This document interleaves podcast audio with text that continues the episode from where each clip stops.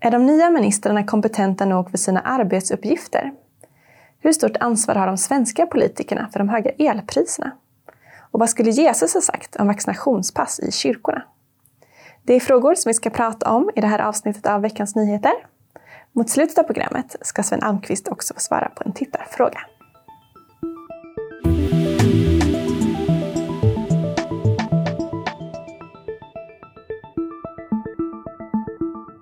Varmt välkomna till det här avsnittet av Veckans Nyheter med mig Sara Andersson och ledarskribenten och bibelläraren Sven Almqvist. Mm, Ja, förra veckan skulle vi ha pratat om det regeringskaos som ägde rum då, men det programmet blev inställt så det blev ingen sådan diskussion. Nu har vi en regering på plats och vi ska främst prata om den, men innan vi gör det tänkte jag att du ändå kunde få kommentera det här kaoset, eller vad man ska kalla det. Det var alltså så att Magdalena Andersson släpptes fram som statsminister av Miljöpartiet, Centerpartiet och Vänsterpartiet. Men sen fick hon inte igenom sin budget utan det blev Moderaternas, Kristdemokraternas och Sverigedemokraternas budget som gick igenom. Det ledde till att Miljöpartiet lämnade regeringen, vilket i sin tur ledde till att Magdalena Andersson avgick som statsminister och att Stefan Löfven återigen fick leda en övergångsregering. Vad säger du om det? här? Det har ju diskuterats mycket runt det där. Eh, eh, och om man kokar ner allt så handlar det här, tror jag, om, eller historiens dom kommer nog att bli då att Miljöpartiet var otydlig helt enkelt och skapade oreda ännu en gång i rummet. Och då fick ju Andreas Norlén, talman, kliva in va? Och, och liksom markera, vilket är annorlunda att en talman gör. Han markerar ju inte ett politiskt partis åsikter. Han kommenterade och markerade oreda i klassen. Som magister är hans uppgift att få ordning. Och det gjorde han. Ja, men det finns de som menar att Magdalena Andersson skulle ha ställt tydligare frågor och andra som menar att Centern skulle vara tydligt med att de inte tänkte släppa fram en eh, SMP-budget också.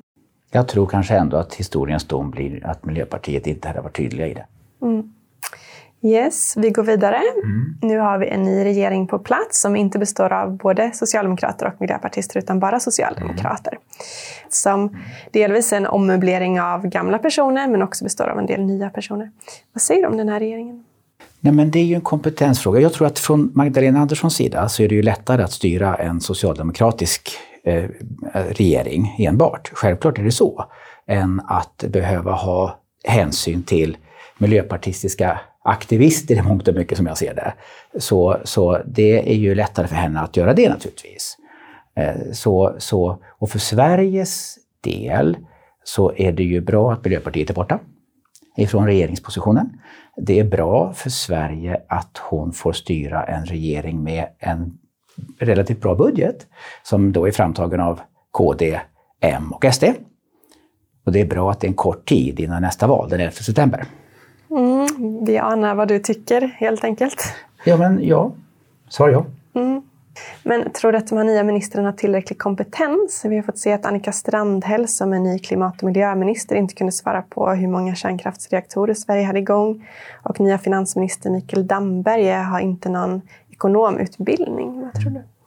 Alltså man kan ju ta en regering i jämförelse med en kortlek. Där ju, I en kortlek har vi ju S ner till ruter två, som är det svagaste kortet. Så eh, jag tycker Magdalena Andersson, vår nya statsminister, har, verkar ha kompetens. Hon har visat det historiskt och eh, har ju, eh, hon är duktig. Ska vi kalla henne för en röd ruter dam? Eh, en ganska starkt kort, men tittar man på en del, du nämnde Strandhäll här till exempel. Det är klart att eh, eh har man inte skött sin egen privatekonomi så finns det ju en viss oro. Hon hade betalningsanmärkningar. Ja, exakt. Betalningsanmärkningar. Och det, men det är inte bra, va? självklart. Och, men kan inte det drabba vem som helst? Så kan det ju göra, men nu talar vi inte om vem som helst. Vi talar om någon som har ministerpost. Va? Eh, och eh, det måste man ställa högre krav på. Sen så har vi ju då Axelsson, Kilblom, skolminister. Jag kommenterar inte en sexuell läggning och sånt, för det är en annan frågeställning. Det är en person som är transperson? Ska vi säga. Ja, exakt. Transperson. Eh, utan det är huvudet kompetensen sitter. Eh, det jag kanske reagerar mot, eh, det, det, skolministerns agerande är ju aktivistiska uttalanden runt friskolor till exempel. Va? Vi behöver inte fler aktivister som jag ser det. Men, men, men visst. Eh, att vi har, har varit negativ till friskolor? Ja, men väldigt negativ till och med. Så. Och talat ut starka kommentarer runt det. Det tycker jag väcker ändå en viss mått av oro. Och Eneroth har ju, har ju en del socialdemokratiska kvinnor reagerat på eftersom man har en form av anklagelser runt honom runt sexuellt ofredande. Det vet vi ingenting om. Nej, det, vi. det jag säger är att det är lite rörigt. Vi har några bartender från Åre också och så vidare. Så att, eh, inget fel på bartendrar, eh, det säger jag inte. Men, men det kanske inte är det som är den direkt kompetens som man förväntar sig från en ministerpost. Så. Men ska vi inte ge dem en chans? De har inte fått visa vad de kan än. Nu är det naturligtvis så att Sverige är ju inget experiment, utan här bör ju man redan ha prövat kortet innan man får de positionerna. Det tycker jag skulle vara sunt. Så att, eh, ja, det känns delvis oroande. Mm. Hur ska man som kristen förhålla sig till makthavarna, oavsett vad man tycker om deras politik? Alltså Paulus talar ju i, Rom, i Romarbrevet 13 om att man ska liksom vara laglydig, inte anarkistisk. Och man ska inordna sig i överordnande eh, så, eh, strukturer och allt detta. Och det är väl grundläggande rätt. Fast Jesus var ganska revolutionär. Va? Vid ett tillfälle så fick han frågan om Herodes, som var en politiker på den tiden. Och Jesus sa, gå och säg till där räven, sa Jesus. Så kunde Jesus kalla politiker för rävar så kan vi också det. Mm. Men det är klart vi ska be för eh, politiker, oavsett politisk färg. Vi ber för vårt land. Så att det, det är ju inte för politikerna i första hand skull, utan det är för landets skull. Mm. Ja, vi ska byta ämne. Och då handlar det om elpriserna. Mm. I veckan har det varit rekordhöga elpriser, vilket kan leda till att decemberräkningen för en villaägare kan bli en tusenlapp dyrare än normalt. Enskilda timmar har priset kunnat ligga på över 4 kronor per kilowattimme, vilket kan jämföras med ett snittpris på 60 till 90 öre i oktober i södra Sverige. Anledningen till att det är så här höga elpriser är dels att det är kallt, dels att det är vindstilla och dels att älvarna i norr håller på att frysa, vilket påverkar vattenkraftverken. Men det beror också på att det är höga bränslepriser i världen och att det därmed är höga priser på el i Europa, vilket smittar av sig på den svenska marknaden mm. eftersom det sker import och export av el. Men det finns också de som lyfter att svenska kärnkraftsreaktorer har lagts ner. Mm. I nuläget har vi sex reaktorer som är igång och sex som har lagts ner. Eh, det här har skett delvis på grund av politiska beslut men också på grund av bolagen, att de bolagen själva har bestämt sig för det här. Nu står i vilket fall det oljeeldade Karlshamnsverket i Blekinge redo för att Sverige helt säkert ska kunna säkra elförsörjningen här i december. Vad säger du om det här? Alltså de här elpriserna, det är tungt för industrin och näringslivet. Och det är katastrof för vissa eh, svenska familjer och hushåll med små marginaler. Det är mycket pengar för många människor. Så det är ju en oerhört olycklig situation. Anmärkningsvärt faktiskt. Vilket ansvar har de svenska politikerna för det här? Ja, men man har ju ett stort ansvar. Man kan inte anklaga politikerna för att det är vindstilla. Man kan inte anklaga politikerna för att älvarna fryser.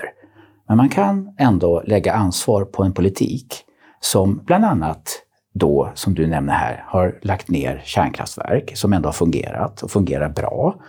Eh, och att man har en naiv syn på förnybar energi va, med sol, vind och vatten. Vi tycker alla sol, vind och vatten är jättefint. Det är bara det att det räcker inte. Så enkelt är det. Mm. Vad är lösningen då? Ja, men lösningen är ju, och det här är jätteviktigt, vi behöver basenergi alltså. Och basenergi, det är alltså, antingen är det fossila bränslen och då är det gas eller kol. Eller så är det icke-fossila och då är kärnkraftverken, de moderna kärnkraftverken, en fossilfri teknik och därmed bäst för naturen.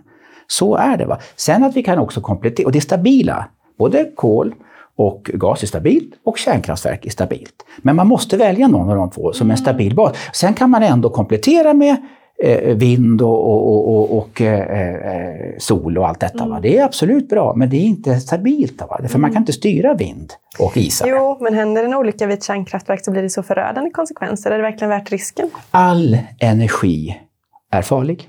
Jo, All men energi... det är så extremt. Ja, men, eh, du, 19... får jag ta ett exempel? Mm. 1975 så var det ett, ett vattenkraftverk, alltså vattendamm i Kina som, som, som, som sprang läck. Och fyllde en hel dal. 230 000 människor dog. 11 miljoner, större än Sveriges befolkning, kom på, på, på flykt alltså från detta.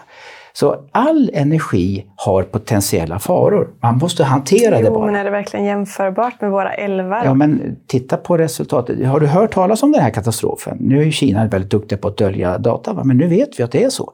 Så det jag säger är att tekniken och säkerhetsaspekterna är viktiga, ska inte tas, men utvecklingen har gått framåt väldigt, väldigt långt. Va? Mm. Men skulle du själv kunna tänka dig att bo bredvid ett kärnkraftverk då?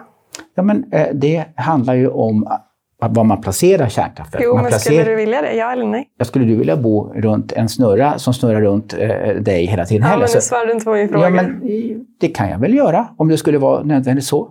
Absolut. Men jag tror inte man lägger kärnkraftverk. Man lägger naturligtvis det eh, eh på platser som man, man bedömer minst risk självklart. Men allt har en risk i livet, så enkelt är det. Mm. Eh, och eh, jag tror tekniken och utvecklingen har gått så långt nu att vi behöver ta ett nytt tag runt hela kärnkraftsfrågan tycker jag.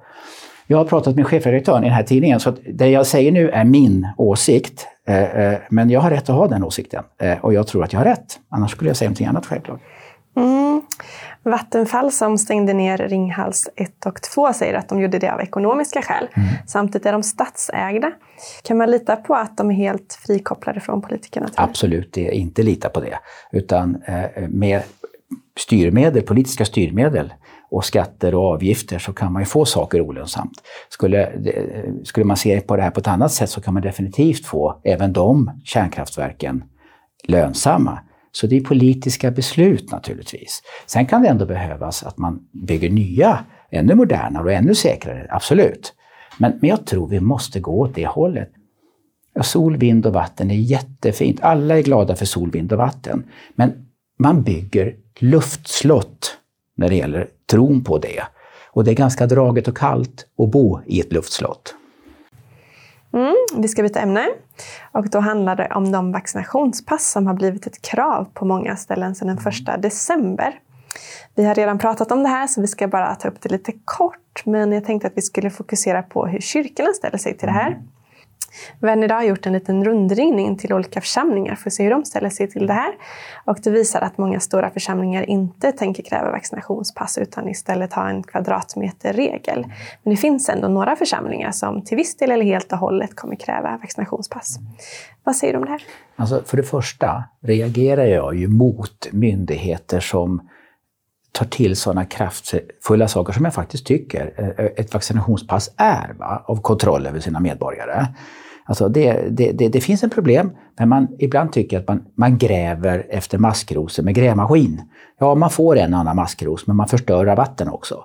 Ja, det är bara en speciell, jag vill markera det faktiskt. Alltså, jag tycker det är så. Men sen tycker jag ju att Nej, men som kyrka kan vi väl inte stänga dörrar för människor som vill höra Guds ord och komma in i Guds hus och be.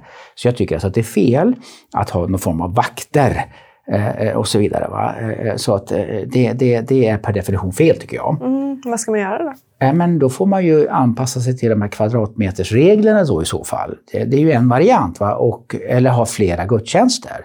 Det det är ju ett sätt att hantera det. Va? Men, men allt det här kontrollapparaterna, nu är det vaccionspass, nu kan man ju tappa sina pass och kanske ska vi ha ett litet chip istället i handen eller i pannan. Det är ju ett sätt alltså, vi kan gå mot så blir det lite enklare. Och eftersom jag ser varningar i skriften runt sådana saker så känner jag att vi är på väg åt fel håll i det. Mm. Vad tror du Jesus skulle ha sagt om att det krävs vaccinationsbevis i dörren på vissa kyrkor? Hade Jesus varit där så hade han botat alla sjuka. Så då hade han ordnat det på det sättet. Och hade han blivit stängd så hade han gått genom stängda dörrar som han ju också tycks kunna göra då, vilket jag tror på. Så, så Jesus hade löst det på ett eller annat sätt. Va? Men han hade öppnat dörrarna för alla. Mm. Vi ska gå över till det sista ämnet och då handlar det om en tittarfråga. Mm. Det är nämligen en person som undrar hur församlingar och andliga ledare kan undvika maktmissbruk. Så vad säger du om det? Hur gör man? Om Jesus är vår förebild så var ju han någon som kom och tjänade människor, betjänade människor. Så sant kristet ledarskap är betjänande, inte härskande. Va?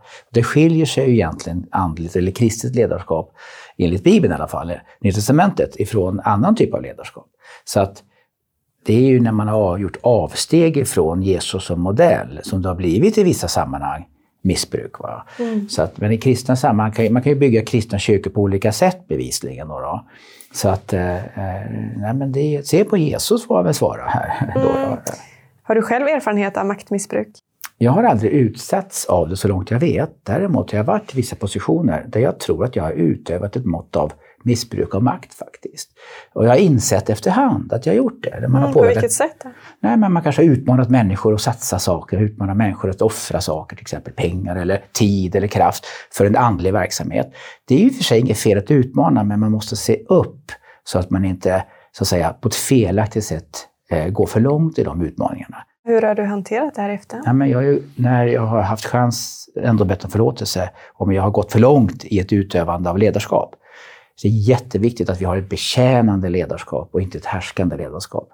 Sen om jag lyckas eller inte, det är förmodligen ja. inte perfekt. Hur leder du idag? Då? Eh, nej, men jag försöker lyssna och lära. Sen, sen om Jesus är min förebild så kan han... Jesus var stenhård mot ledare och maktmänniskor, mm. men väldigt barmhärtig mot svaga människor. Så vi behöver lära oss av Jesus. Jag först. Mm. Det gäller väl oss alla, tänker jag. Det får i alla fall bli slutorden för det här programmet. Tack så mycket Sven för att du var med oss. Och tack till er som har tittat. Har ni andra frågor som ni tycker att vi ska ta upp får ni gärna skicka in dem till oss. Ha det bra så ses vi förhoppningsvis nästa vecka.